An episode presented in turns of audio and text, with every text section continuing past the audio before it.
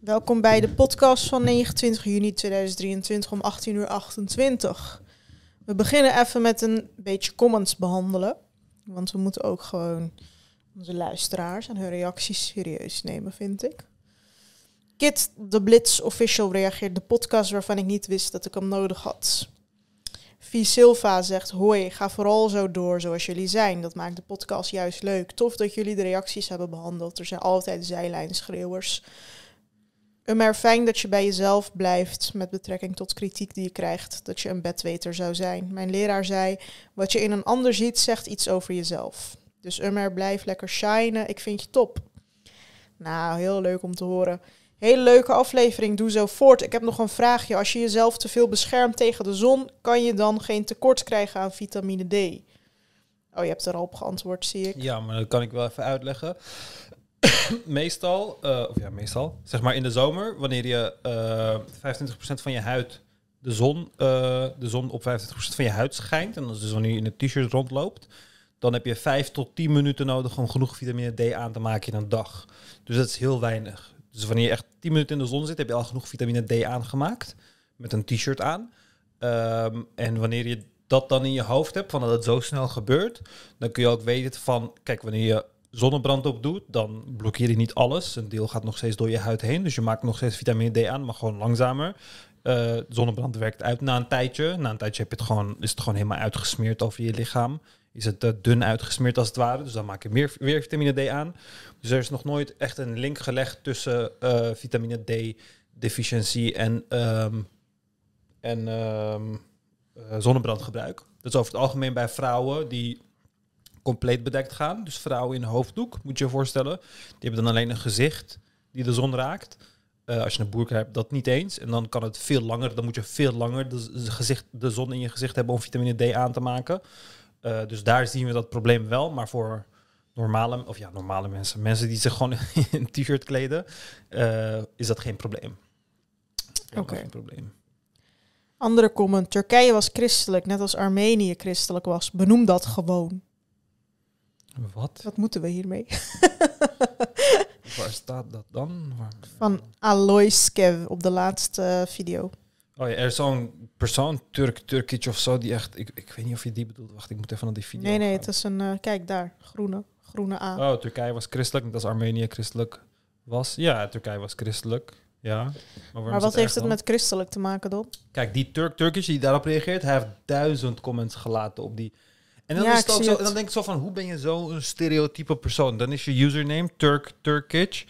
En dan en dan ga je gewoon duizend reacties schrijven op in precies dezelfde manier als waar wij kritiek op hebben gehad in die video. Zeg dat klopt, niemand ontkent het. Wist je dat er een enorme genocide op christenen na uh, eh, 1151 was, na slag Malazgirt, bla bla. Maar deze persoon heeft zoveel gereageerd. Ja, en zegt, waarom gaan mensen lang in de zon als dat problemen oplevert? Uh, Waarom ja. roken mensen als het schadelijk is? het is zo een rare... En het is ook een Waarom dom... eten mensen als overgewicht ja, Maar het is ook een domme is. logica. Dus oké, okay, dan probeer deze logica in je hoofd uit te pakken. Je zegt, waarom gaan mensen lang in de zon als dat probleem oplevert? Probeer de zonnigste plek voor jezelf te zien, oké? Okay? De woestijn. Wat doen mensen in de woestijn? Inheemse volkeren in de woestijn. Wat doen ze? Die bedekken. Oh, die bedekken hun hele gezicht. Hun hele lichaam. Hun hele motherfucking lichaam. Hoe komt dat? Als de zon problemen oplevert, als geen problemen oplevert, dan zou ze naakt moeten rondlopen, toch? Want de zon doet helemaal niks. Het is zo gestoord. Ja, waarom krijgen sommige mensen die letterlijk elke dag uren en uren vol in de zon werken, jaar in jaar uit, geen kanker? Hoe weet je dat? Heb je dat gebaseerd op data of zo? Dit is hetzelfde als, oh ja, mijn oom, die rookt al 40 jaar, maar die heeft nog geen die longkanker. Ja, het is zo, het is zo dom. Het is zo, je hebt in je... Oh, maar ik...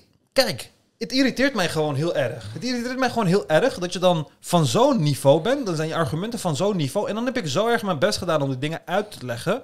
En dan, het is zo kut voor mij. Want dan denk ik van, oh, misschien heb ik niet mijn best genoeg gedaan. Of misschien heb ik het niet genoeg uitgelegd. Maar er is gewoon niet geluisterd. En dan denk je van, ik weet hier niks over. Maar ik ga gewoon logica van letterlijk groep 5 toepassen. En dan heb ik de hele wetenschappelijke wereld eruit geluld of zo. Ja, what the fuck, man. What the fuck. Mm Nou ja, ik ga niet te veel in op hem, want uh, die spoort gewoon niet. Hij zegt ook, ik zie snoep en Fanta op jullie tafel en je eet en drinkt dat soort troep. Troep ja, Fanta en snoep En alle zuren en stoffen die erin zitten, zijn niet goed voor je lichaam. Zo fucking dom. Jezus fucking No shit, Christus. Sherlock. Jezus fucking Christus. E- e- Echt bewijs dat je de fucking podcast niet hebt. Wedden, wedden dat ik gezonder dan je bent. Wedden dat ik gezonder ben. We doen deze podcast anderhalf jaar. Ik ben niet één keer Nee, maar alsof geweest. iemand zegt Fanta Zo en snoep is echt gezond. Voer het aan al je kinderen. Ja, maar het is ook zo- zo'n domme kijkwijze van... Oh ja, Fanta en snoep is ongezond ten alle tijden. Dus je mag het niet eten en drinken. Motherfucker, Mhm. ik leef mijn leven op zo'n manier... dat het voor mij niet bepaald ongezond is. Ik heb gewoon een sixpack. Heb jij een sixpack? Volgens mij niet. Volgens mij niet. Ik eet al deze snoep en drink al deze Fanta... en ik heb een motherfucking sixpack. Dus hoe zou dat kunnen komen? Zou het misschien wat genuanceerder kunnen zijn? Zou het ietsje genuanceerder kunnen zijn? Dat het afhankelijk is van hoeveel je ervan eet misschien? Heel misschien? We kunnen ook bloedwaardes vergelijken of zo. Weet je? Ik bedoel, eh, het is niet zo lastig. Jongen, deze persoon is echt raar. 30 Hij comments zegt, achtergelaten. Twee uur geluisterd en wat heb ik geleerd? Hoe achterlijk sommige dorpen zijn. Nee, echt zonde van mijn tijd, al vond ik het wel leuk. wat zielt jou, alsjeblieft. Om jullie inzicht te testen, bestaan er aliens wel of niet? Is de ruimte groot of klein? En wat zegt dat over ons? Hè, wat zegt hij allemaal, man? Echt eh Het is ook leuk om jullie zienswijze en ervaringen te horen. Dat is een verrijking. Dezelfde persoon. Wow, ik snap deze persoon echt niet, man. Waarom is de AK-partij slecht? Omdat de economie afgelopen vijf jaar tot 30% slechter is geworden. Vergeet niet dat de Turkse economie super slecht was in 2002. Toen Erdogan aan, net aan de macht was. Toen was de export rond 30 miljard en nu bijna 300 miljard dollar. Oké. Ja. Oké, economie was slecht. Economie werd ietsje beter. De economie is nog steeds slecht. Ik snap eh, het idee niet. Hij heeft wel een soort intelligente comment achtergelaten. Vertrouwen in de mens. Helaas durf ik geen vertrouwen in de mens te hebben. We geven te veel schade aan natuur en planeet. We vragen letterlijk om problemen. Nou, best intelligent. Vooral ons leidersysteem is verkeerd. We hebben democratie en we mogen de allerdomste mensen laten kiezen zonder dat die persoon getest is op intelligentie, kennis van zaken, betrouwbaar, niet gemeten. Nou, ook best slimme opmerking. Verder is het een feit dat 87% van de mensen gewoon niet intelligent is. Dat is verder niet slecht of zo, maar een gegeven. 13% van de mensen waarvan monsterdeel mannen zijn, hebben potentiële capaciteit om logisch te denken en handelen. Zo dom. 87% van de mensen zijn niet intelligent. Hè, maar hoe kom je daarbij dan? En wat is Hoe intelligent? kom je bij dat 87% wel, hè, op wat is die hè? 87% Ik denk dat de het gewoon zo'n natte vingerwerk is van ja. En waarvan het monsterdeel mannen zijn. Dat is ook gewoon absoluut niet waar. Het is gewoon, er is letterlijk in sommige studies eh, zijn vrouwen één IQ-punt slimmer. In sommige studies zijn mannen één IQ-punt slimmer. En in de meeste studies is het er daar geen verschil tussen. Dus dat het monsterdeel mannen zijn. Oh. Oh. En wedden als je deze persoon vraagt van, hé, maar waar schaad jij onder? Dus die zegt, ja, zo 13% van de mensen die intelligent zijn. ja. Eh, Oké, volgende video. Hou van jullie, ik ben fan. Wij houden ook van jou, Kit de Blitz. En jullie passen de keuringsdienst van waarde methode toe. In de Koran staat over de Hajj. Bla bla bla bla bla. waar- waar- waar is Dit dat? hoe, eh, even kijken. For whoever is able to find Oh ja. thereto a way. Dus alleen voor de, het is alleen verpli- verplicht voor de mensen. Ja, ja. het Er kunnen. staat, er staat in, in it all clear signs, uh, bla bla bla. And whoever enters it shall be safe.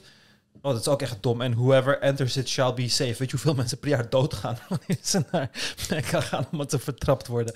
Echt raar dat die niet safe zijn. Misschien bedoelen ze in het hiernamaals. Ah, ja, natuurlijk. And to Allah from the people is a pilgrimage to the house for whoever is able to find thereto a way, but whoever disbelieves in indeed free from the need of the world. Ja, I mean, de meeste mensen gaan, gaan niet able zijn. En dat komt niet... Het is ook dom, want de originele ehm, eh, vers gaat eigenlijk over... Volgens mij had hij dat ook achtergelaten ergens. Ja. Dus ik had het gelezen. For those who are able to undertake the journey, what does able to undertake the journey mean? The prophet answered, having sufficient provision and a means of transportation. Exactly. Sufficient provision, dus dat is geld, means to buy your way into de eh, Mecca, zeg maar, en transportation. En het gaat niet om beide. Er is gewoon niet genoeg capaciteit. Het is geen ding van geld of zo. Het is een kwestie Ja. van capaciteit. Al zou Dat de economie dus overal goed zijn, Dan nog kan je er niet naartoe. niet kunnen, precies.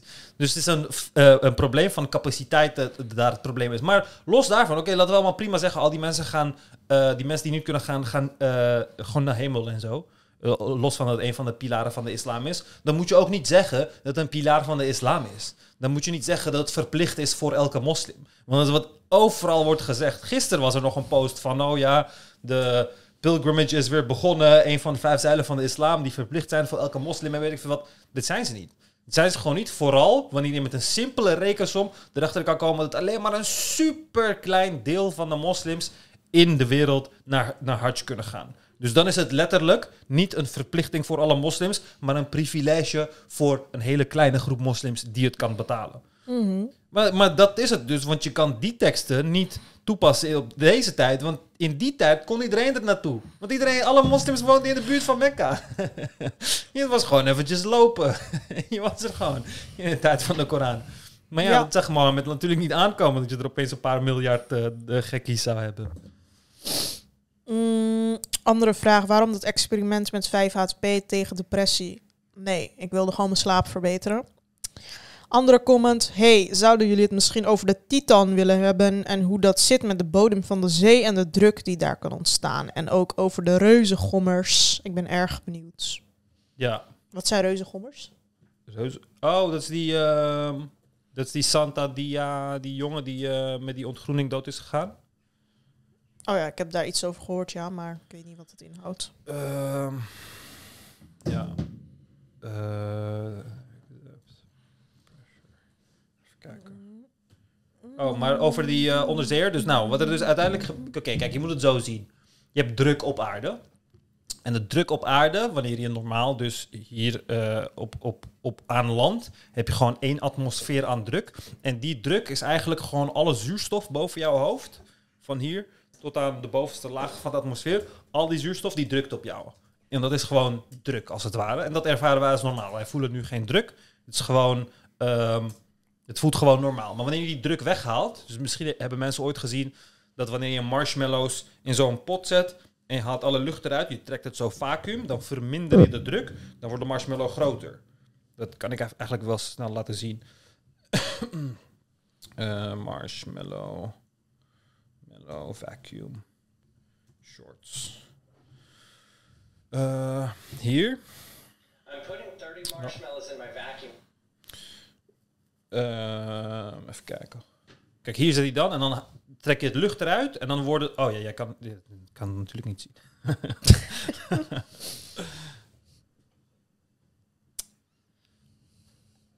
Eh, dan zet je ons- Ja. Nou, hier zet hij dus 30 marshmallows neer. Die hebben gewoon een normale grootte onder een normale atmosfeer. En dan wanneer je het lucht eruit trekt, dus de atmosfeer vermindert, dan worden de marshmallows groter. Dan groeien ze als het ware. Dat is dus hetzelfde wat zou gebeuren wanneer wij naar de ruimte gaan zonder een pak. Omdat je daar geen druk hebt die jouw lichaam bij elkaar houdt, zou je gewoon opblazen als een ballon eh, eh, eigenlijk. Dus dat gebeurt er in een vacuüm. En onder water heb je dan precies het tegenovergestelde. Jij zit onder water en hoe dieper jij bent, des te hoger water er boven jou is. En dan het water drukt op jou. Dus je kan het zeg maar dan berekenen als je recht omhoog zou kijken onder water. En al dat gewicht van het water zou berekenen dat boven jou zit. Dat is dat gewicht dat op jou drukt. En dat merk je al wanneer je gaat zwemmen. Wanneer je 2, 3 meter diep duikt. Dan merk je al dat er best wel veel druk op je lichaam is. Maar eh, de Titanic was op eh 3800 meter. Dus 3,8 kilometer diep. Dus dan heb je zo gigantisch veel water. Je hebt 3,8 kilometer aan water. En dat moet je dan zien alsof je dan een rivier hebt van 3,8 kilometer lang. En die pak je dan gewoon zo en die zet je dan verticaal op je hoofd. Dat is het gewicht dat dan op je drukt. Dat is waar. Dat is fucking veel eh, druk. En daarom eh, zijn die onderzeeërs ook zo moeilijk te fixen. Want het moet een, een vessel, een soort van cabine zijn die al die druk kan weerstaan. En wat er dan gebeurt, dus wat er in principe is gebeurd, zijn die doodgegaan door zuurstoftekort, maar gewoon door een implosie. Dus er is waarschijnlijk een zwakte ontstaan in die, in die capsule, in die, in, die, in die cabine waar ze in zaten. En dan echt in minder dan een seconde wordt dat geplet naar zo klein als een dubbeltje. En dan gebeuren er heel veel interessante dingen, want daar is het druk ook zo hoog. Kijk, je moet je voorstellen als je zo'n duikersfles hebt waar je mee gaat duiken. Als je daar een gat in zou maken, dan zou al dat lucht eruit ontsnappen. Hierboven in dit atmosfeer. Maar onder water, onder die druk, op de diepte van de Titanic, dan is de druk zo hoog dat als er een gat zou komen in jouw zuurstoftank, dat het zuurstof niet eruit zou stromen, maar het water letterlijk erin. Omdat de druk van buiten groter is dan de lucht die naar buiten wilt. En dat is hetzelfde eh, als wat er is gebeurd bij eh, de, die, die onderzeeër. Je zou denken dat het lucht eruit kan ontsnappen. Omdat die druk vele malen hoger is dan het lucht, wat het, eh, wat het dan doet, is dat al dat water drukt dan al dat lucht bij elkaar tot een heel klein punt is. En dat punt wordt dan voor eventjes, voor enkele milliseconden, heter dan de zon. Heter dan de oppervlakte van de zon. Want je neemt al dat eh, lucht dat van een bepaalde temperatuur is. En wanneer je dat bij elkaar comprest, dan is al die temperatuur op één stukje. Dus dat is nog een gigantische temperatuur, zeg maar. En eh, dus ze hebben het bijna niet gemerkt waarschijnlijk. Waarschijnlijk zijn ze binnen een halve seconde gelijk dood gegaan. Ja, zijn ze gewoon gelijk dood gegaan, geïmplodeerd in plaats van geëxplodeerd. Dus in plaats van dat dingen naar buiten toe explodeerden, ging het naar binnen toe imploderen. Dus dan werd je gewoon plat gedrukt. Dus ze hebben niet echt een ellendige dood Nee, ze gehad hebben niet echt een ellendige eh, dood gehad. Maar eh, ja, het was gewoon dom. Ze moesten het niet doen. Het was echt eh, ongelooflijk dom. om Wat is doen. erger, verdrinken of imploderen? Oh, verdrinken sowieso. Water Ja. in je long doet fucking veel pijn. En ook zonder zuurstof zitten, dat is ook fucking veel pijn. Maar daarom op zo'n diepte is het onmogelijk om te verdrinken. Want tegen de tijd dat jij ook maar kan verdrinken, heeft de druk jou al lang gekild. Al lang. Maar waarom denken deze mensen dat ze dit eh, kunnen overleven? Heel veel mensen hebben zich achteraf laten... Want ze hebben meermaals die duiken gedaan. En eh, meermaals is het mislukt. Is er iets fout gegaan. Eh, de persoon, de CEO, die ook is overleden... die was heel erg libertair als het ware. Die was helemaal van ja en al die veiligheidseisen op het water. Dat gaat innovatie tegen. en Daardoor kunnen wij niet bla bla bla. Maar hij had gewoon te weinig geld en hij kon niet professioneel iets in elkaar zetten. Dus hebben ze gewoon met, eh, met letterlijk knip- en plakwerk een, een submarine proberen te maken. Maar die, En die ouders van dat kind bijvoorbeeld dachten niet van... er is een grote kans dat hij dit niet hij overleeft. was met zijn vader, dat kind daar. Oh. Dat, die kind wilde helemaal niet in die onderzeeër komen. want Die vader wilde dat. En die vader heeft dan zijn kind meege, Nomen. Ja, meegenomen. En het, er is een artikelen verschenen dat het kind helemaal niet wilde gaan en weet ik veel wat allemaal. Maar het is ook echt zo dom. Je tekent je leven weg. Ze hebben een contract getekend waarin gewoon staat van luister, als je doodgaat, is niet onze probleem en weet ik veel wat allemaal. Dan, dan, dan hoor je zeg maar onderzoek te doen van hey, hoe veilig is dit? Want het ziet er allemaal al niet heel veilig uit. Hoor je onderzoek te doen, hoe veilig is dit? Want je gaat naar 3,8 kilometer onder water. En dat snappen de meeste mensen niet, maar het is daar letterlijk net zo gevaarlijk als in de ruimte. Letterlijk net zo gevaarlijk als in de ruimte. Je bent Ja, maar dat even kunnen zij toch ook wel bedenken of iemand die dat tegen hun zegt. Ze zijn miljardair. Ja, blijkbaar, blijkbaar niet. En dat is het, dat is het nou ja. Het maakt geen verschil. Want het is ook gewoon dat je denkt van... oh, ik heb hier een kwart miljoen voor betaald, dus het zal wel goed zitten. Van, oh ja, de CEO gaat ook mee. Hij zet zijn leven ook op het spel. ja, dat betekent alleen dat als je doodgaat, jullie samen doodgaan. Wat er exact ook is gebeurd, uiteindelijk. Maar het is ook dom om zoveel geld weg te geven voor zoiets. Want het is niet een hele... Kijk, je zit gewoon... Je zit, je zit eigenlijk gewoon... Titanic zien, toch? Ja, maar je zit in een tank. Kijk, als je kon zwemmen en je kon de Titanic aanraken en je kon erin en weet je wat, dat is een interactieve experience, dan begrijp ik het nog. Los van dat het niet kan vanwege de druk. Maar je zit gewoon in een metalen koker met een heel klein ruitje en dan ga je er gewoon van de verte naar kijken. Gewoon, je gaat er gewoon naar kijken. That's it. That's, is gewoon het enige wat het is. En alleen om dat te ervaren, heb je een gigantisch risico genomen, waar je ook nog eens een gigantisch bedrag voor hebt betaald. En ja, dat is gewoon... Mijn Dom. theorie is dat ze zo teringrijk zijn, dat ze zo tering comfortabel zijn, dat ze zo geen problemen hadden, dat ze dachten, we gaan even iets spannends doen. Ja, zo. tuurlijk. Tuurlijk. En het is, eh, dat zeiden ze ook al in een andere podcast, het is een beetje de mindset van uberrijke mensen, dat ze denken dat hun niks kan overkomen of zo. Of dat, Mhm. Ja, ik denk, eh, als je er genoeg geld aan gooit, dan eh, zit het wel goed. Ja, of dat ze zo'n houding hebben van, eh, ja, I'm gonna, I'm gonna sue them to hell, weet je wel? van als er wat gebeurt. zo'n houding van... eh, ja. Maar het is wel vet, want nu is dus de CEO van die onderzeeërbedrijf, hij is dus ook dood gegaan. En hij is dus, en de architect van de Titanic, die zat ook op de Titanic. ja. Dus de bouwer van de Titanic, die is dood gegaan met zijn boot. En de bouwer van de onderzeeër, om de boot te zien, die is ook dood gegaan met zijn boot. ja. Dus ze hebben hetzelfde lot. Ze wilden zeg maar naar beneden kijken naar mensen naar het, eh, wat er was gebeurd met mensen die op die manier zijn gestorven. En toen zijn ze ook op die manier gestorven. Dus Ja. ik dacht er ook aan dat er nu een tweede bedrijf moet komen. Zodat je naar en de Titanic en die onderzeeër kan kijken. Dan kan je zo'n package deal maken. Maar die onderzeeër is geïmplodeerd. Ja, kun je de wrakstukken kijken van kijk, hier zijn ze geïmplodeerd. ja. Eh, ja, bizar, bizar. Dat ze dat dachten. Maar eh, er was dus een hele discussie over dat eh, het nieuws werd gedomineerd door deze onderzeeër. Ja. En dat nobody gave a fuck about eh, honderden duizenden ja, ik vluchtelingen. werd ook die... psychopaat genoemd in de groep. Oh. Omdat ik zei, als het onderzoekers waren, had ik het erger gevonden. Onderzoekers? Ja, als het onderzoekers waren die voor, om onderzoek te doen zijn, zijn diepzee duiken en dan zijn ze opeens vermist geraakt en weet ik veel wat, dan zou het me meer doen dan mensen Maar dat die... geldt toch voor iedereen? Hè?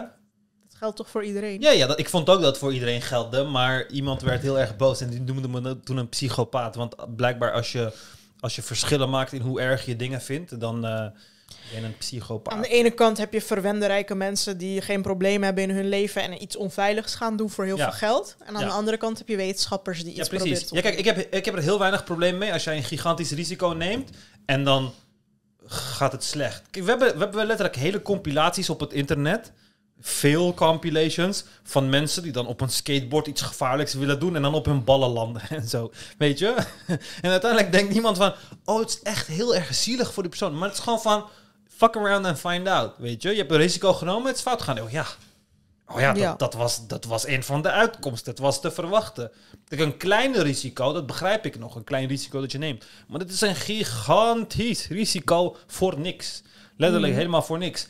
En ja, dat vind ik een stuk minder erg dan eh, Ja. onderzoekers die eh, zichzelf inzetten voor de mensheid en dan eh, sterven of zo, weet je. ja. Maar wat zijn reuzengommers? Reusgommers is die studentenvereniging in België die dus een ontgroening hadden gedaan. En toen eh, was een zwarte student gestorven tijdens die ontgroening. Ja, oh ja, mensen zeiden ook van moeten we niet ontgroeningen verbieden en zo. Wat Ja, vind jij daarvan ja, eigenlijk? ik vind eh, dat je ontgroeningen sowieso moet verbieden. Ja, ik eigenlijk ook wel. Wat is dat voor onzin? Aan de andere kant, ja, je dat moet binnen niet een dingen verbieden, want dan wordt het juist aantrekkelijk. Nee, maar als je, stel je voor dat ontgroeningen niet alleen bij studentenverenigingen waren, maar ook bij bedrijven.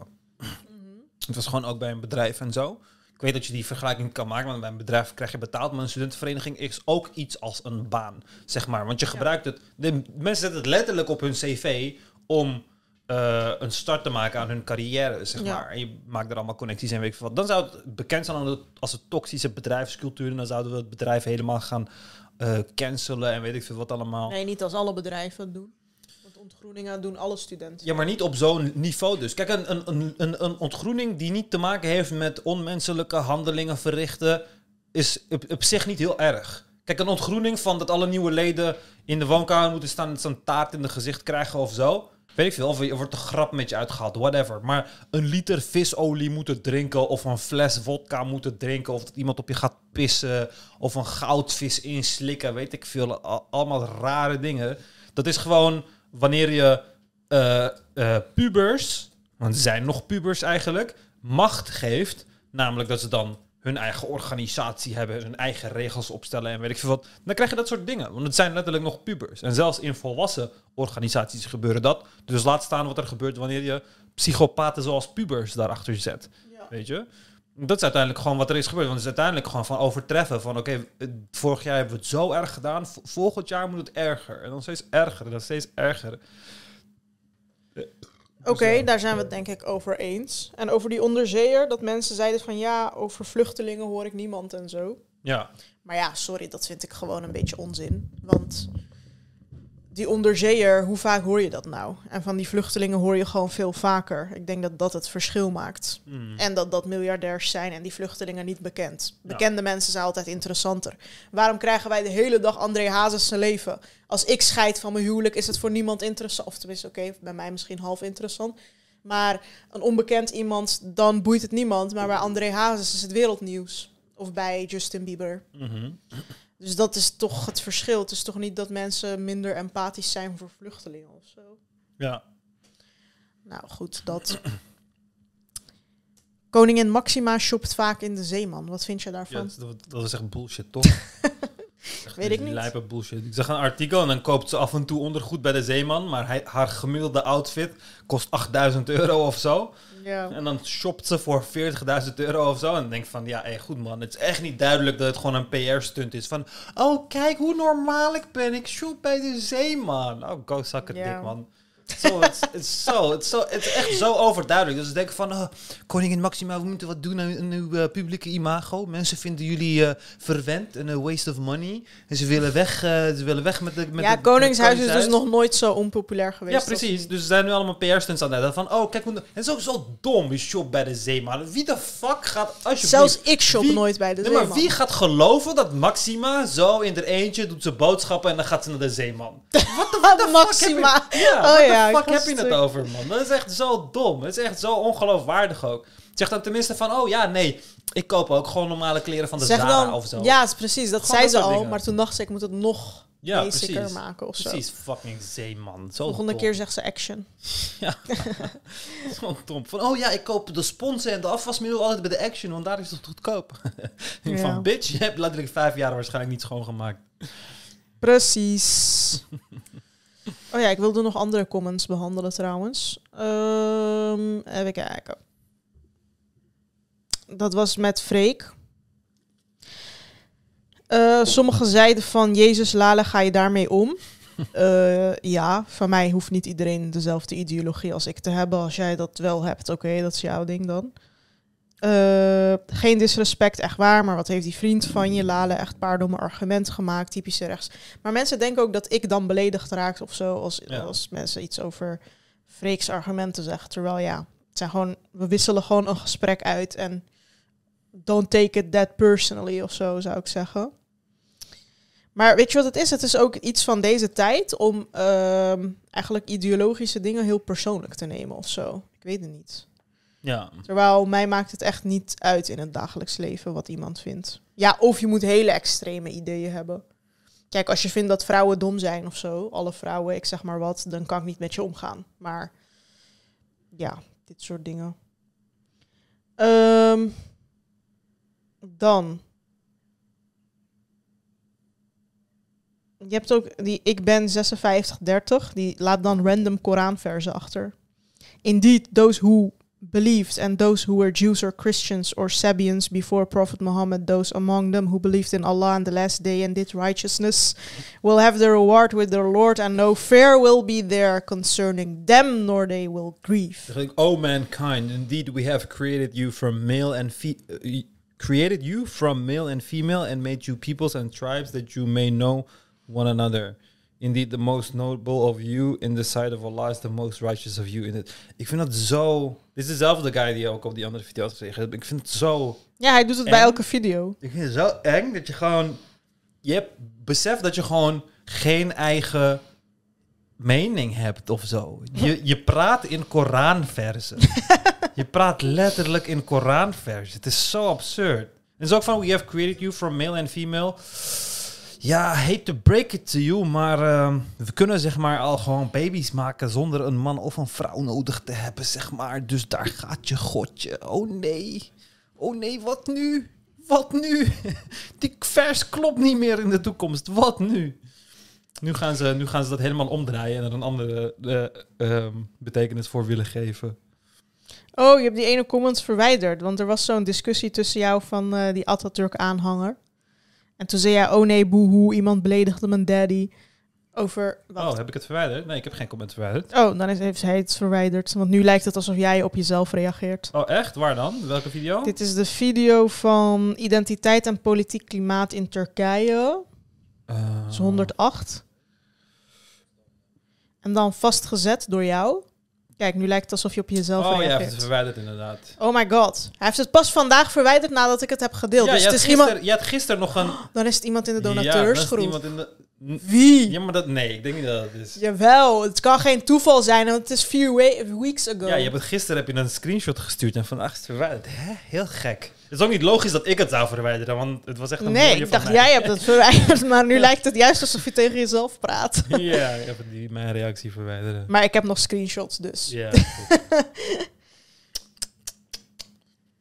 Even kijken. Het is Koerdisch, niet Koerds. Ja, je hebt gelijk. Gaan we nog die screenshots even... ja, Misschien kan ik die nog vinden. Van wat die reacties waren. Even kijken, ik wil het nu wel echt vinden. Oh ja. The Guy 9166 van drie weken geleden. Atatürk Pijpers. Dus echt de vijand van Atatürk. Omdat jij Atatürk Pijpers hebt gezegd. Ja. Uitleggen zou weer niet lukken, want jij en Erdogan schapen zijn niet anders. Toen heb jij gezegd, oh nee, boehoe, iemand beledigde mijn daddy. Indoctrinatie at its finest. En diegene heeft gezegd, boehoe, jij bent geen Turk, dus het boeit niet wat Atatürk doet. Turkse volk was altijd blij met Atatürk, behalve de religieuze mensen die geloof altijd gebruiken. Want de enige reden dat de CHP-partij niet won in 1950 is niet omdat Turken dachten dat het zielig was voor minderheden, maar omdat zoveel religieuze organisaties CHP ongelovig noemden. Waarom ben je zo tegen Atatürk? De man die de Griekse Reconquista stopte, volkerenmoord van Turken stopte. Ja. En waarom ben ik zo tegen Atatürk? Zeg maar, de deze persoon heeft een realiteit gecreëerd van iedereen mocht Atatürk. Zo erg, zo fucking erg. Totdat Erdogan en weet ik veel wat allemaal kwam. Wat een fucking gestoord idee is, letterlijk. Letterlijk een gestoord idee is. Waarom heb ik iets tegen Erdogan? Omdat Turken niet, eh, tegen Atatürk, omdat Turken niet inzien dat decennia lang Atatürk zijn imago is, is carefully is ge- ge- gedirigeerd, aangepast en opgepoetst om van Atatürk het held te maken, de held te maken voor het Turks volk. De grote verlosser. Net zoals wat alle landen doen. Dan gaan ze hun helden m- mythologiseren, leg- legendariseren zo. Ik weet niet wat het woord is. Gaan ze het legendarisch maken. En dat doen al die volken. En Turkije zijn, Turken zijn daar ontzettend goed in. Omdat ze noodzaak hebben aan een grote entiteit in hun hoofd die ze kunnen pijpen. Letterlijk aanbidden als het ware. Het was vroeger Mohammed, is nu Atatürk. En Atatürk heeft letterlijk gezorgd voor het plan van Turkificatie van Turkije. Wat er heeft gezorgd dat al die volkeren, een groot deel van de volkeren, hun taal, cultuur en identiteit eh, verplicht onder dwang moesten eh, weggooien, basically. En dan claim jij dat al die mensen die leed niet hebben meegemaakt en iedereen blij was met Atatürk. Ik weet niet hoe je op die, want zelfs in de enorm gekleurde Turkse boeken over Atatürk is duidelijk dat niet iedereen blij was met Atatürk. Letterlijk, mijn familie, sinds ik ze ken, haten Atatürk. Dus ik heb niet eens een bias om Atatürk te haten, want ik wil juist tegen mijn familie ingaan. Ik zou juist Atatürk moeten pijpen ook. Maar ik zie in dat beide kanten een vrij gestoord beeld hebben van Atatürk. En de, de moslims hebben heel erg gelijk in het feit dat het hele idee van dat eh, vrouwen bijvoorbeeld met hoofddoek niet op de universiteit mochten, eh, eh, mochten studeren en dat soort dingen. Dat zijn allemaal dingen die uit de tijd van Atatürk komen. Die komen gewoon uit die tijd. En dat, dat is gewoon een gegeven, dat staat gewoon vast. Dus het is niet iets wat nieuw in opkomst is. Het is voor de langste tijd in de Turkse geschiedenis verboden geweest om kritisch te zijn op Atatürk na zijn dood. Of om hem te beledigen.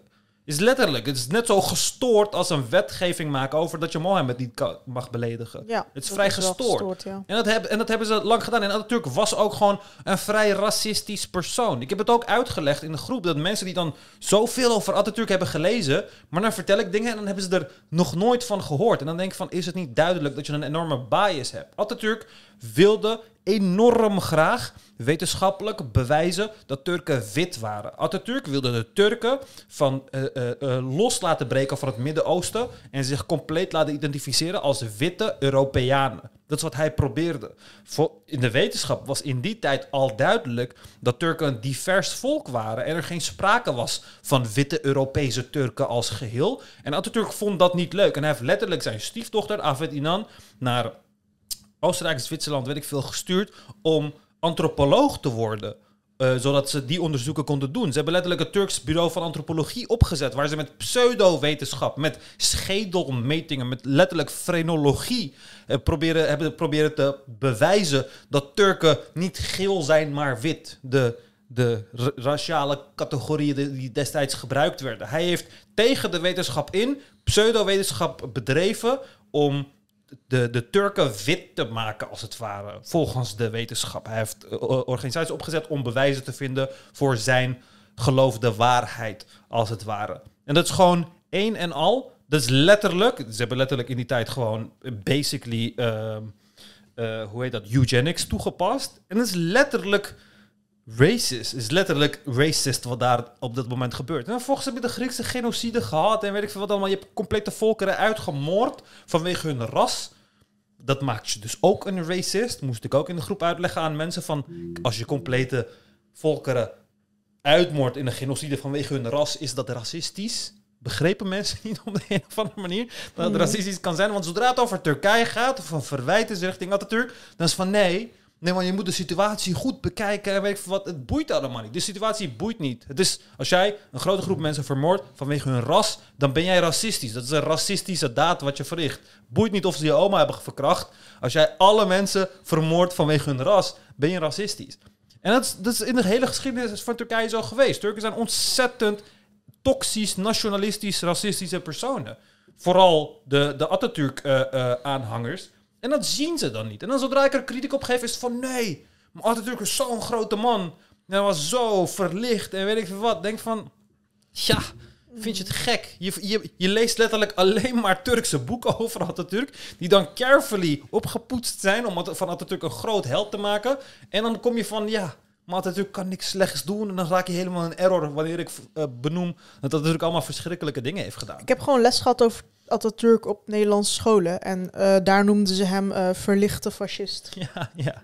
ja, dat was hij ook. Hij was een fascist. Dat was Ja, ook. maar ook verlicht. Ja, ja, precies. En die twee dingen kunnen gewoon samengaan. Maar dat zien Turken dan niet. Want er is dus, zoals ik al zei, decennia lang, bijna 100 jaar lang, is er enorm veel werk verricht om steeds van, oh, we, we raken ontwikkeld. Dus we zien nu in dat deze dingen slecht zijn. Oké, we gaan wissen dat Atatürk ooit deze dingen gedacht heeft. Het idee dat Atatürk, je hebt dus iets wat eh Güneş-Dil-theorie heet. Dus de Sun Language Theory. En dat was een pseudo-wetenschappelijke theorie van Turken, die ondersteund werd door Atatürk en gepusht en gepromoot werd door Atatürk. En de theorie gaat dan dat Turken de originele eerste mensen op aarde zijn. En Turks de originele eerste taal is. En dat alle talen eh, afstammen van het Turks.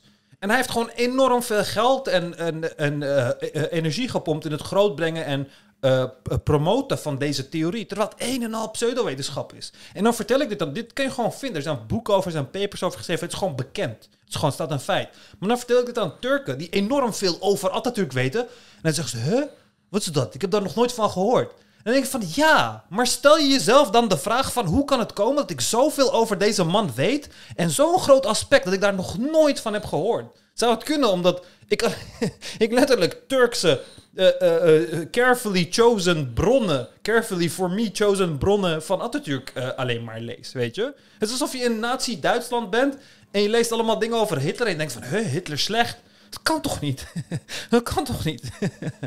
maar ja, je moet, wel, eh, je moet wel buiten je bubbel kijken. En dan, oké, mag je best geloven dat er een complot is... dat ze alleen in de Turkse literatuur de waarheid spreken over Atatürk... en de rest allemaal leugens zijn. Maar de kans is vrij groot dat het exact het te- tegenovergestelde is. Zoals het in elke motherfucking land is.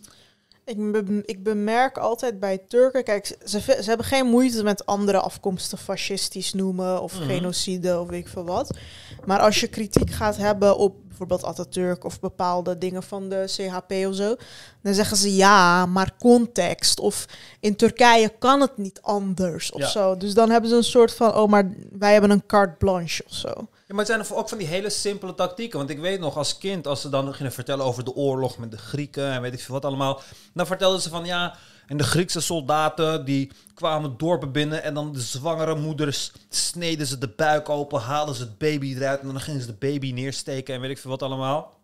En dat hoorde ik als kind. En ik dacht van, wow, deze Grieken zijn fucking gestoord. Ze zijn helemaal lijpe mensen dat ze deze dingen doen. Je hebt zelfs films, Turkse films, waarin ze dat soort dingen doen. En toen ik wat ouder werd, kwam ik erachter dat Grieken exact dezelfde verhalen hebben over Turken.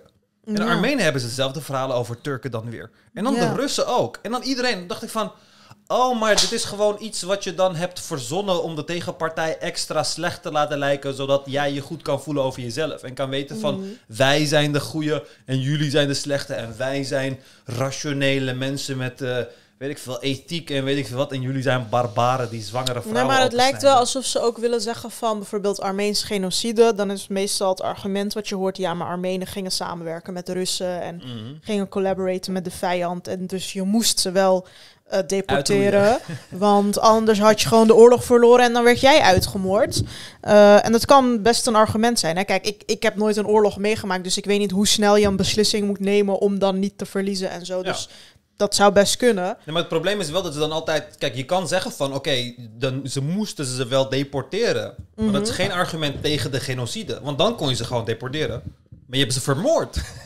je hebt ze Ja, vermoord. maar volgens mij is, Zeg het- maar. is het argument... Eerst wilden ze deporteren, maar dat kon niet, want daar was geen tijd voor. En eh, transporteren en zo was moeilijk. Jongens, deze mensen moeten daar naartoe, maar we hebben geen tijd, dus knal ze maar door. Nee, maar goed, in oorlog, je, je weet natuurlijk niet wat de omstandigheden zijn. En Ja. eh, om mensen van A naar B te krijgen, moet je ze ook natuurlijk gewoon voeden. En er moet bewaking zijn. En het moet helemaal goed gaan. Het is natuurlijk wel makkelijker om ze uit te vermoorden. Ja. Ehm, dus ik kan me best voorstellen dat in die situatie dat is gebeurd. Maar dan nog moet je gewoon erkennen dat het een genocide is, lijkt me. Ja.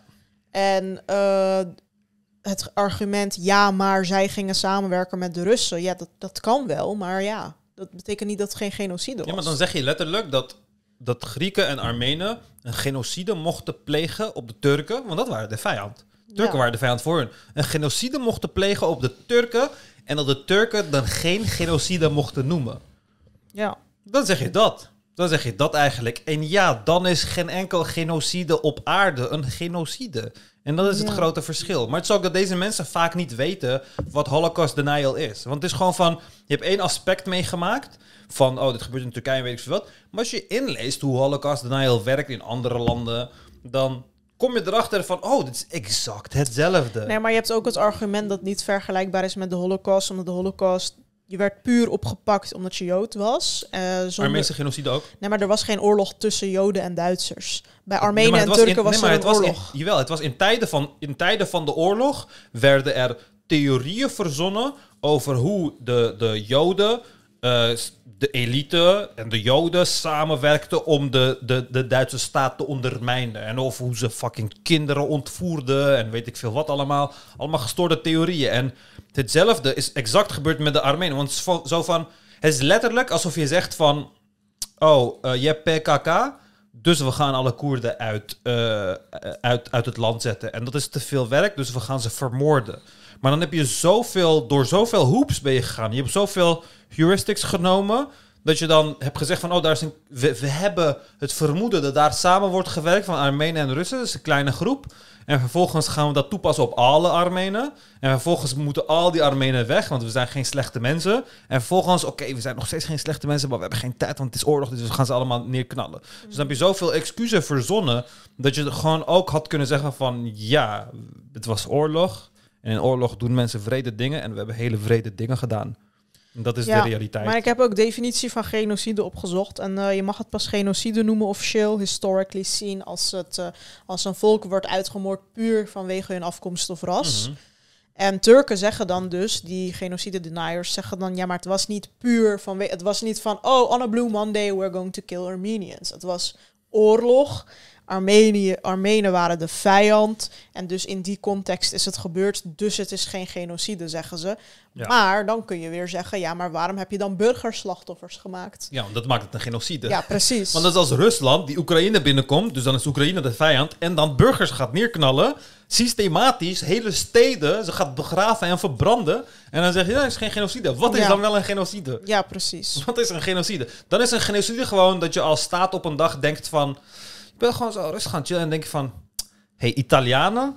Nou, ik mag Italianen niet omdat ze Italiaan zijn en daarom ga ik ze vermoorden. Ja. Dan pas is het een genocide blijkbaar. Mhm. Dat is niet hoe het werkt. Mensen, er, worden allemaal redenen eh, eh, eh, gecreëerd. Er worden dingen groot gemaakt. En dat voedt dan een inherente racisme die al aanwezig is. En dan heb je gewoon argumenten om hetgeen uit te voeren wat je al wilde uitvoeren. Mhm. Ja, precies. Nou, ik wil eigenlijk verder met de comments, want ik zie net een nieuwe comment geplaatst op de laatste video. Als je uit Marokko of Turkije komt en toch zonnebrand insmeert, is dat waarschijnlijk omdat je de zon te weinig opzoekt. Mensen krijgen kanker omdat ze hun huid niet aan de zon laten wennen, acclimatiseren.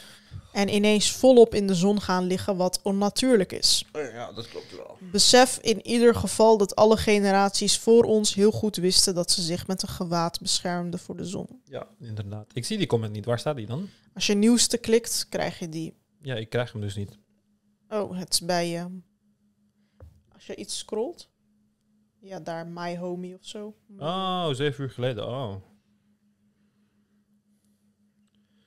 En toch zonnebrand is dat waarschijnlijk. Ja, ik wil hier wel aan, aan toevoegen.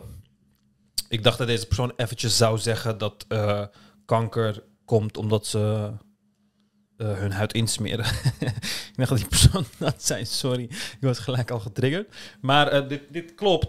De, kijk, de juiste manier als je het zou willen doen op een natuurlijke manier, dus niet echt de juiste manier, je kan ook gewoon zonnebrand gebruiken, is heel systematisch, heel langzaam bruin worden in de lente, zodat je in de, de gele zomer lang, net, zoals ik, ik ben nu gewoon fucking bruin. Eh, ik heb de hele zomer lang heb ik gewoon natuurlijke zonnebrand. Maar zelfs ik, die zo bruin ben, eh, zal niet zo goed beschermd zijn als een spierwit persoon die zich gewoon heel erg goed insmeert. En dat is het verschil eh, dit, deze huidskleur werkt een stuk minder goed dan gewoon een UV, een UV-blokker, een sunscreen, zeg maar. En daarom eh, is het ook, ehm, ja, hoe heet dat? Aangeraden, of ja, niet aangeraden. Zou het voor mij ook handig zijn om gewoon sunscreen te gebruiken? En zou het ook mijn ouderdom eh, verminderen? Kijk, de kans dat ik kanker ga krijgen is veel minder klein. Bestaat nog steeds wel, maar is veel minder klein. Maar ouderdom, dat ga ik nog steeds krijgen. En als ik ook nog zonnebrand zou gebruiken, dan zou die ouderdom eh, een stuk minder plaatsvinden, zeg maar. Ja. Maar inderdaad, alle andere generaties voor ons wisten heel goed dat je niet in de zon moet gaan liggen. Ja. Vroeger was dat is vrij gestoord om naakt in de zon te liggen. Mm. Leuk, graag met minder, graag minder met kanker schelden, is boven. Ja. Doet af aan jullie intelligentie. Maar wat heeft ka- met kankerschade... Sorry, maar er is letterlijk een link tussen vloeken en intelligentie. Dat mensen die intelligenter zijn meer vloeken. Daar is letterlijk een link tussen. Ik vind mensen Eh, die maar- zeiken om eh, scheldwoorden, vind ik zo dermate privileged dat... eh, Ja, go suck a dick, die andere is Ja. verwijderd. Ik had nog een comment over kanker. Van Lale komt echt uit de ghetto of zo, zoiets. Oh ja, nou, maar die zag ik net nog. Die is, eh, Oh, ik zie hem niet die is meer. onder een andere video. Even kijken, hier zie ik hem ook niet. Nieuwste misschien, zo. Oh ja. Ik vind het echt storend dat een intelligente vrouw als Lala met kanker spot. Ik spot niet met kanker, ik gebruik hem alleen. Ja. Het past totaal niet in jullie stijl en ze zou beter moeten weten. En toen Lale- zei iemand, Lale is gewoon ghetto hoor. Ze kijkt veel naar mokros, anders zeggen ze niet zo vaak voel. Ik ga stuk, ga, ga, ga, kanker, kanker. Ja, ik vind sowieso raar dat eh, mensen doen alsof jij ehm, fucking uit Hilversum komt of zo. Alsof je uit het gooi Uit komt of zo. Ja, je bent letterlijk in de Koninklijke buurt opgegroeid. Je bent letterlijk in de Koninklijke buurt o- opgegroeid. Met kankerschelden past eigenlijk juist heel erg bij jou, bij je achtergrond eigenlijk. Mhm. Maar ik denk dat je het ook vrij royaal hebt gebruikt in je leven, in je jeugd. Ik, eh, ik, ik, Zeker. ik wel. Kanker dit, kanker Ja, maar dat. dan, maar, dan, maar dan is het van, kijk, natuurlijk voor tv en zo ga je dat allemaal niet, niet, niet gebruiken.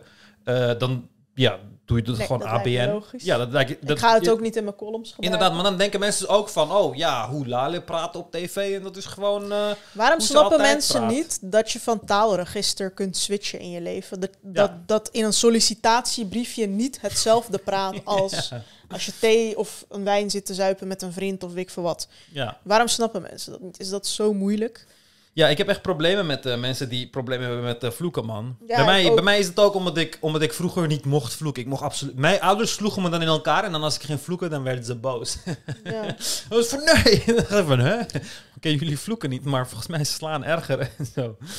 Ehm, Ja, maar ik vind ook, kijk, in sommige culturen zien ze scheldwoorden als dat, dat nemen ze gewoon persoonlijk of zo. Mhm. Zoals deze persoon die zegt dat ik spot met kanker. Waarom zou ik spotten met kanker? Ja. Weet, je wat, wat, weet je wat ik vandaag ga doen? Ik Nee, dat was waarschijnlijk mensen het, met eh, kanker. Waarschijnlijk het stukje in de podcast waar we kinderen met kanker zaten uit te lachen en zo. Weet je, het is nooit gebeurd. Nee, ik denk we, het hebben- niet. we hebben nooit Oh gespot. ja, Ja, maar ik ga soms is mijn sarcasme echt. Nee, maar het is nooit gebeurd. Dat, dat je met kanker... Wanneer ik zeg dat iets, dat, dat iets kankerirritant is, dan spot ik niet met ehm, Ik vind het ook irritant dat mensen eh, het woordje kanker koppelen aan de ziekte kanker. Want dat doen Ja. we nooit bij tering. Ja. En fucking koppelen we ook niet aan eh, eh, neuken. Neuken, En ja. motherfucker zeggen, koppelen we ook niet aan moederneuken of zo. Het is, Ja. het is echt heel gek. Nee, maar er is gewoon ooit iets van gemaakt. En kanker is ook, ook zo... En ja, ah, dit gaat ook echt mensen boos maken. Maar kanker is echt overrated. Ik heb het gewoon gezegd. Kanker is echt overrated. Wat We bedoel doen... je, het woord of de ziekte? Ja, de ziekte ook. Ik vind de Oh. ziekte kanker vind ik echt zwaar overrated. Waarom? is omdat niet alle kanker even erg is. Zoals? Huidkanker, Ja. stelt niks voor, gaat letterlijk niemand dood aan bijvoorbeeld. Er zijn zoveel soorten kanker die gewoon... Eh, goedaardige kanker, of ja, goedaardige kanker. Een niet spreidende kanker of weet ik veel wat allemaal. Er zijn zoveel kankersoorten... Er zijn zoveel kankersoorten die gewoon niks voorstellen. Dat iets als, weet ik veel, noem eens iets. Dat iets als long covid erger is voor je gezondheid dan een bepaald type kanker of zo. Maar er wordt van het kanker gelijk gedaan van, oh nee, je hebt kanker en het is gelijk fucking erg en je gaat gelijk dood. Het heeft zo'n mythologische status gekregen. Maar dezelfde status heeft... eh, weet ik veel. Wat is een Graves disease of zo? Heeft dat dan niet? Weet je? Of hepatitis of zo? Heeft dat ook niet? Maar zodra het kanker is, omdat in de categorie kanker hoort, waar honderden soorten kankers in zitten, heeft het gelijk zo'n hoge positie of zo. Maar dat is niet zo. Doe het gewoon nu genuanceerd. Misschien als wij kanker zeggen, bedoelen we huidkanker. Ja, Ja. dat weet je niet. dat weet je ook niet. Maar kanker heeft gewoon dat gekregen. En dat is, ik denk dat het ook puur voor de zonne is. Omdat het zo populair werd. Het werd zo populair dat je ook... Je hebt van die bonden die dan tegen vloeken zijn en weet ik veel wat allemaal. Het zijn allemaal van die bejaarde mensen die dan denken dat mensen die... Want het is ook van, ze koppelen dan zeggen van... Oh ja, maar jullie zijn intelligent en waarom... Het heeft eh, niks eh, met intelligentie ja, waarom, ja, maar daarom. Nou, maar die oudere generatie koppelt dat wel zo. Van, oh nee, die men, dat was vroeger van, ja, dan moet je je mond wassen met zeep en zo. Dat was mijn juffrouw in groep 4. Moest je je mond Hmm. wassen met zeep als je geen, als je geen schelden en zo. Het is allemaal die generatie die dan denkt dat, dat, dat de woorden die je gebruikt, ja, iets daarover zeggen of zo. Ja, maar die generatie zorgt er ook voor dat wij zeg maar op eieren moeten lopen. Want dan gaan mensen kanker zeggen de hele tijd. Of in plaats van KK ga je dan QQ doen en zo. Maar het komt allemaal op hetzelfde neer. Ja. Dus wat probeer je? ja. Het is gewoon, oh, van dat ene woordje mag ik niet zeggen of zo. Terwijl je bedoelt hetzelfde. ja, precies. Het is nou eenmaal een krachtterm. Het is nou eenmaal veel gebruikt. Je gaat er ook niet meer uitkrijgen. Ja. En ik En- begrijp, ik begrijp, kijk, ik begrijp van dat je je eraan kan irriteren als het in het openbaar gebeurt en weet ik veel wat allemaal. Ja, of als het om de seconde gebeurt of Ja, zo. of in, een bus hoor ik dan wel eens tieners die dan kankeren achter letterlijk de, elke tweede woord in de zin is gewoon kanker. En dan denk ik van oké, ik kan je me aan irriteren, dat kan je niet gewoon uitzetten of weet ik veel wat. Maar het is gewoon een show die we maken. En daarin willen we soms gewoon onze emoties uiten op de manier zoals we dat willen uiten. En die vrijheid Ja. hebben we gewoon. En je hebt gewoon de vrijheid om het te bekijken. En als je ons dom vindt omdat we kanker gebruiken, ja, ik vind dat kankerdom. Dus dan kan je gewoon eh, niet kijken, zeg maar. Ja, ja, Ja. ja. Er staat ook, ze kijkt veel naar mokro's, anders zeg je dat niet zo vaak. Nee, ze kijken niet vaak naar mokro's. Ik ben opgegroeid, Opgegroeid met tussen mokro's. mokro's. Ze zijn allemaal opgegroeid tussen de mokro's. We komen niet uit het gooien, jongens. Misschien, volgens mij komen deze mensen wel uit het gooien, anders zeg je dit niet gewoon. Ja. ja, ze zijn gewoon opgegroeid. Luister, letterlijk sinds groep drie... Sinds groep drie werd mijn moeder al uitgescholden, oké? Mijn moeder, mijn oma, mijn vader, letterlijk alles. Mijn, alles. Mijn achterbo- achter, achterstamboom, weet ik veel wat. Sinds groep drie. Daar zijn we gewoon mee fucking opgegroeid. Dat, dat mensen dat soort dingen... eh, dat mensen zo'n grove bek hebben. En uiteindelijk doet het niet... eh, zorgt het er niet voor dat je een minder persoon bent of weet ik veel wat. Tuurlijk, het is niet chic in bepaalde omgevingen. Maar het zegt helemaal niks over het eh, mogen gebruiken voor... ja, in, in, in een persoonlijke sfeer als het ware. We zitten Ja. hier niet met een zaal vol mensen iedereen te kankeren of zo. Ja. Ik vind het ook allemaal heel overrated. In Turkije scheld... Kijk, in Turkije is scheld, zijn scheldwoorden hebben een hele andere status. Want dan Ja. neemt niemand het persoonlijk. Ja. Moekan stuurde ook zo'n video, toch? Dat, ik weet niet of je die had gezien. Maar er was zo'n eh, man... Ging helemaal schelden omdat, ze, omdat hij werd gebeld. Hij zei van, ja, heb je niet kunnen wachten in je moeders kut of zo? zo En eh, weet ik veel wat. En allemaal koeien. En, Ja. en dan zegt hij, hallo, Abi Nassassen. Weet je wel? Gewoon, ja. je switcht gewoon in één keer. En het is gewoon een soort van frustratie uit. Er is letterlijk een liedje van André Hazes waarbij hij ons allemaal cholera toe, eh, toewenst. Krijg Cholera. toch allemaal de kleren. Dat is toch dat. dat. Ja, De cholera is uh, cholera ziekte. ja. En wenst ons allemaal een vrij dodelijke ziekte toe. Het is gewoon hartstikke normaal. Waarom? Want het is niet zo'n hipster ziekte als kanker. ja. Nee, dat is gewoon het verschil. En dat zingt iedereen met volle borst mee. ja. ja. maar ook dingen als, ja, krijgt wel de pestpleuris of zo. Niemand kijkt daarvan op. Maar Ja. kanker is ineens, woe. ja. Voortaan eh, gaan we gewoon kanker vervangen voor een Turkse scheldwoord. Gewoon amk. ja. Ehm, heb ik nog wat anders? Ja, Wilders zijn tweets. Hij had ineens iets over Atatürk getweet en zo. Hij is helemaal populair in Turkije. Ja, Hij heeft een nieuwe doelgroep gevonden. Ja, hij denkt, wow, deze mensen haten Arabieren en moslims nog meer dan, me- dan de Nederlanders. Ja. Dat is wel Ja, Hier noemt niemand me racist. Hij heeft ook een foto van zichzelf naast Erdogan en dan zo'n nieuwe verkiezingen, stem op mij. Hij vindt het echt super leuk, hè?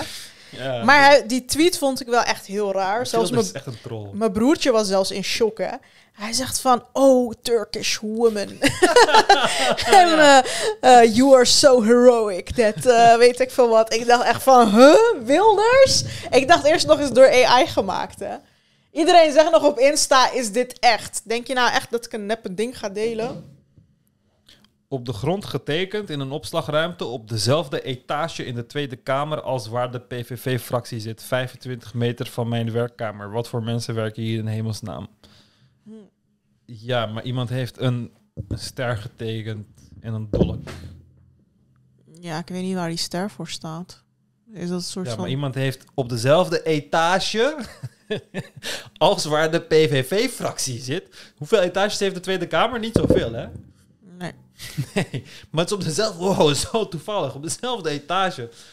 25 meter van zijn werkkamer. Dat is praktisch ernaast.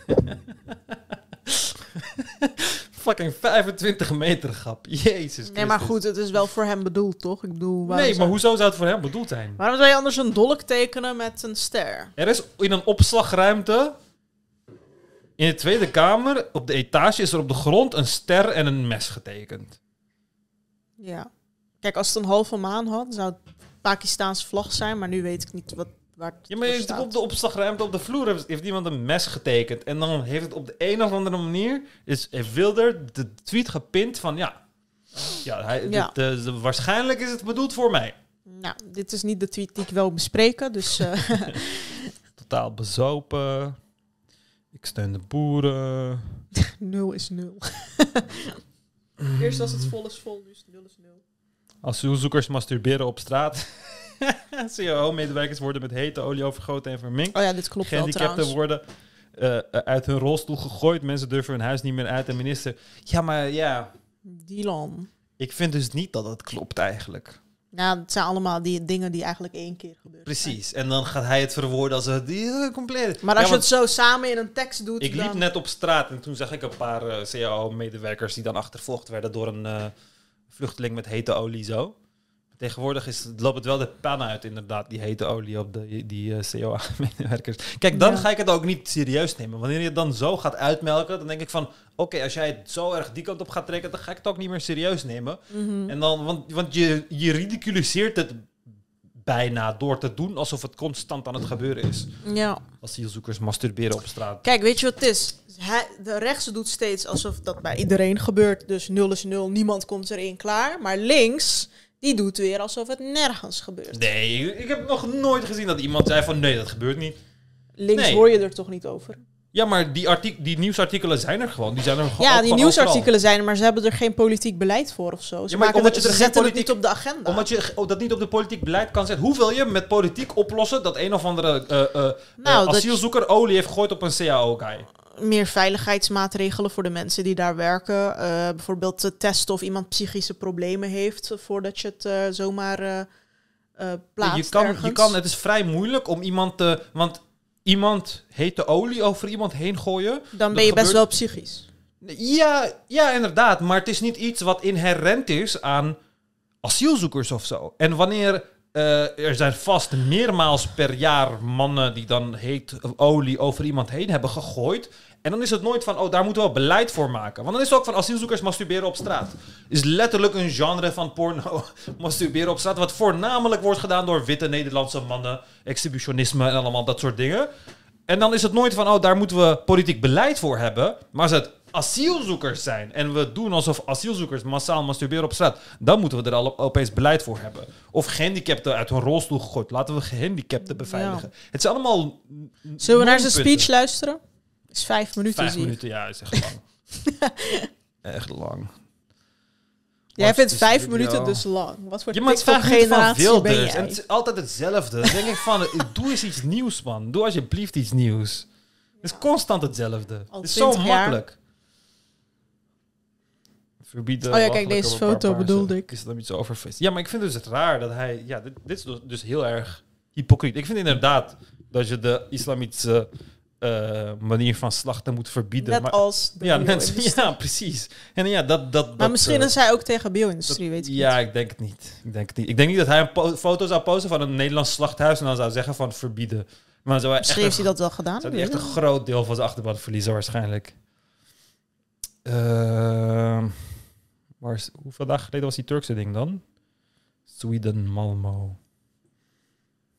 Mm, Het was denk ik een week geleden of zo. Ja, ik zag hem. For free and secular Turkey. Kwam het hierna? Of, eh, Eh, hiervoor was het. Dat was zijn laatste post erover. Eh, daarvoor had hij iets over Turkish woman of zo. Afrika? Oh ja. Many Turkish women tell me that Arabs in Turkey are harassing them, calling them whores and mistreating them. Can you please tell me, President Erdogan, if you consider Arabs still your brother now that they are harassing Turkish women? Do you like Turks or Arabs more? Wat is dit Ja. voor kinderachtige tweet? Ja, ik vind het ook best wel grappig, want zeg maar... Er staat van, if you consider Arabs still your brothers, now that they are harassing Turkish women. Dan denk ik zo van, ja, want dat doen we gewoon letterlijk bij Turkse mannen ook, zeg maar. Het is voor Turkse vrouwen vrij normaal om geharasst te worden door elke man op straat, letterlijk. Of achtervolgd en vermoord te worden, omdat ze het hebben uitgemaakt. Wat letterlijk op een dagelijkse termijn gebeurt in Turkije. Maar waar is nou die... Oh ja, Hier. hier. Ey kahraman Türk kadını sen yerde sürünmeye değil omuzlar üzerinde göklere yükselmeye layıksın. Wow. Ja. Oh, oh, heldin, Turkse Je kan het laten translaten, Oh. toch? Even kijken. Nee? Ik kon het gewoon... Huh, bij mij stond het er gewoon onder als je erop klikt of zo. Als je op de tweet klikt... Ja, heb ik gedaan. Oh, Hier. Oh, heroic Turkish woman, you are worthy not to crawl on the ground, but to rise to the sky on your shoulders. Ja, maar het is toch echt super grappig dat hij dit tweet. Ja. Ja, maar hij heeft gewoon, het is toch logisch, eigenlijk gewoon zo van, oké, ik heb nu allemaal van die seculiere Turken aan mijn kant. En dan schrijft hij op Google eh Atatürk quotes. En dan gaat hij zo zoeken ertussen en dan vindt hij dit en dan gaat hij dit posten. En dan denkt iedereen, wajo, wajo. Ja, maar ook specifiek op de Turkse vrouw gericht. Ja, want ik vond het ook raar dat hij zegt van dat Turkse vrouwen hem vertellen dat Arabieren in Turkije ze harassen. Dan denk ik zo van, hè, maar dus je hebt Turkse vrouwen in Turkije en die worden harassed. En dan zeggen ze, oh, ik ga dit naar de Nederlandse politicus Geert Wilders vertellen of zo. Mhm. Dit klinkt als een uh, Ja, maar dat deden ze echt, want hij ging ze ook retweeten. Echt? Ja. Echt? Hij ging allemaal zo Funda en zo retweeten. Even kijken. De enige die de echte Turken in Turkije verdedigt is meneer Wilders. Ik ben zelf moslim. en woon sinds twee jaar in Turkije. Ga alles, ik ga met alles akkoord wat Geert Wilders over Arabieren heeft gezegd. Punt. Janina Chelebi. Heb je ooit gehoord wat hij over vrouw. moslims zegt? Of Nederlandse vrouw. Hmm, wat heeft hij geretweet dan? Hè, heeft hij het weer weggehaald? Of zo? Hij had allemaal Turkish eh, women eh, ge- geretweet. Net als die Chilibi. Maar hij heeft het denk ik weggehaald. Hmm. Hier, of hier was het sowieso niet. Dat was na die Atatürk-ding. Ja, interessant. Hij dit toch ook, hij toch ook, eh, wat had hij ook weer gedaan? Oh ja, in? Zandvoort zijn weer die eh, jonge Marokkaantjes bezig. Dus dat is nu ook Oh weer ja, helemaal... oh, ik eh, irriteerde me daar zo. Ik wist niet dat het zo'n probleem was. aan Scheveningen. ik Ja, het is echt een probleem. Ik ging sch- schreeuwen tegen. Ja, maar je ziet echt dat ze. Dat ze gewoon aandacht tekort komen. Ze willen zo graag gezien worden. Echt zo graag gezien Wie? worden. Ik was die Marokkanen. Ja. Ze wil zo fucking graag gezien worden. En dat, dat, ja, het is ergens wel zielig, vind ik. Ik vind het ergens wel zielig. Want ik, ik was, eh, het was gewoon een rustig dagje op het strand. Het was, was zo'n coole dag. Er was gewoon bijna heel weinig mensen op het strand. En ik zit daar zo. En er zijn gewoon drie mokros met hun helm in handen. Zijn ze met scooter gekomen vanuit Amsterdam of zo. En dan eentje helemaal daar bij de strandtenten. Eentje helemaal bij de zee. En dan zijn ze tegen elkaar aan het schreeuwen. Maar gewoon domme dingen aan het zeggen. Hey, homo, en weet ik veel wat. Chloe, en weet ik veel wat allemaal. Allemaal rare dingen. En dan gewoon de hele tijd schreeuwen. En alle, iedereen die Mhm. gewoon zijn hond aan het uitlaten is. Die kijkt van, hé, wa- waarom schreeuwen deze mensen zo?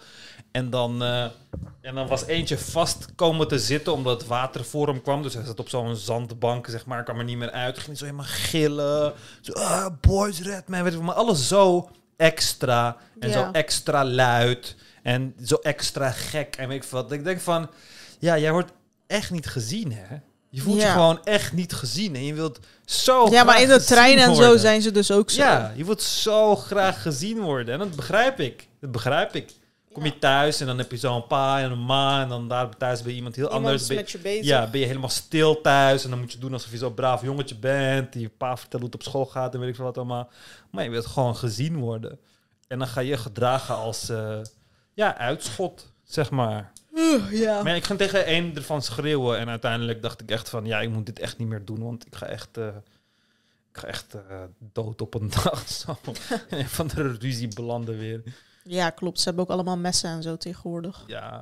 Er is, in Rotterdam is het nu gewoon normaal dat elke week twee mensen neergestoken worden. Het is gewoon echt de normaalste zaak van de dag. Of op klaarlichte dag schietpartij op straat. Ja. Is moordhoofdstad van Nederland geworden. Ja, met mes, mes maak ik me niet heel erg zorgen om.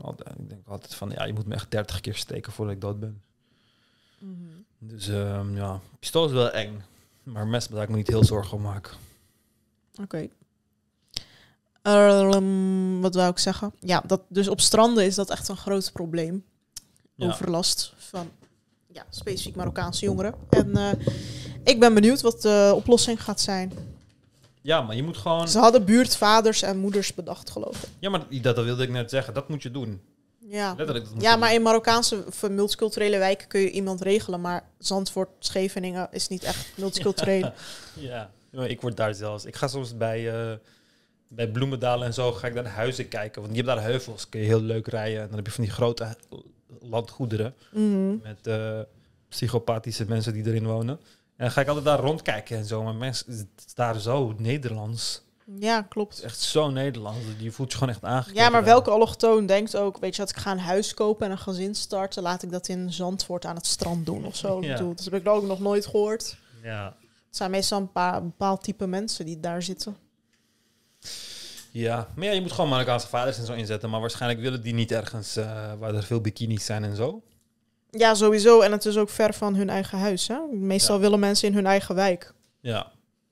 Ja, precies. Dus ik denk niet dat er een oplossing komt. Ja, je nee, moet gewoon heel veel of, boa's of zo neerzetten. Ja, of je moet gewoon van die, weet je wat je gewoon in, ik weet niet of je dat landelijk hebt gewoon, maar je hebt van die straatcoaches toch. En vaak zijn het dan ietsje oudere Marokkaanse jongens van dan 35, 40 of zo. Mm -hmm. Die kunnen nog een beetje de overhand nemen van die jongeren. En dan krijgen ze nog een beetje respect. Maar zelfs dat uh, raken veel mensen kwijt. Want je moet dat soort Marokkanen kun je alleen maar handelen wanneer ze respect voor je hebben. En vaak hebben ze alleen maar respect voor oudere Marokkaanse mannen of zo. Dat is eigenlijk het enige waar ze een beetje, of vrouwen, waar ze een beetje respect voor hebben. Ja. Dus, uh, maar je moet gewoon van die straatcoaches inzetten. Ja, ja, ja, ja. Of je kan gewoon een sniper zetten op een heuvel ergens. En dan uh, knal je ze gewoon zo één voor één. Met een Ik denk dat dat het meest effectief is tussen alle mogelijkheden. Met een ben je er wel gelijk vanaf. Met een verdovingspijl zo. zo ja. Eerlijk, dat zou echt leuk zijn. Zo, je bent vervelend? Ja, ga maar slapen jij nu. uh. Oké, okay, uh, hoe lang nemen we op? 1 uur 9 minuten. Mooi zo. Bedankt voor het luisteren. Word donateur op ikgaleven.backme.org. Morgen zijn we hier met Izzy. Ja. En uh, tot de volgende keer. Tot de volgende keer.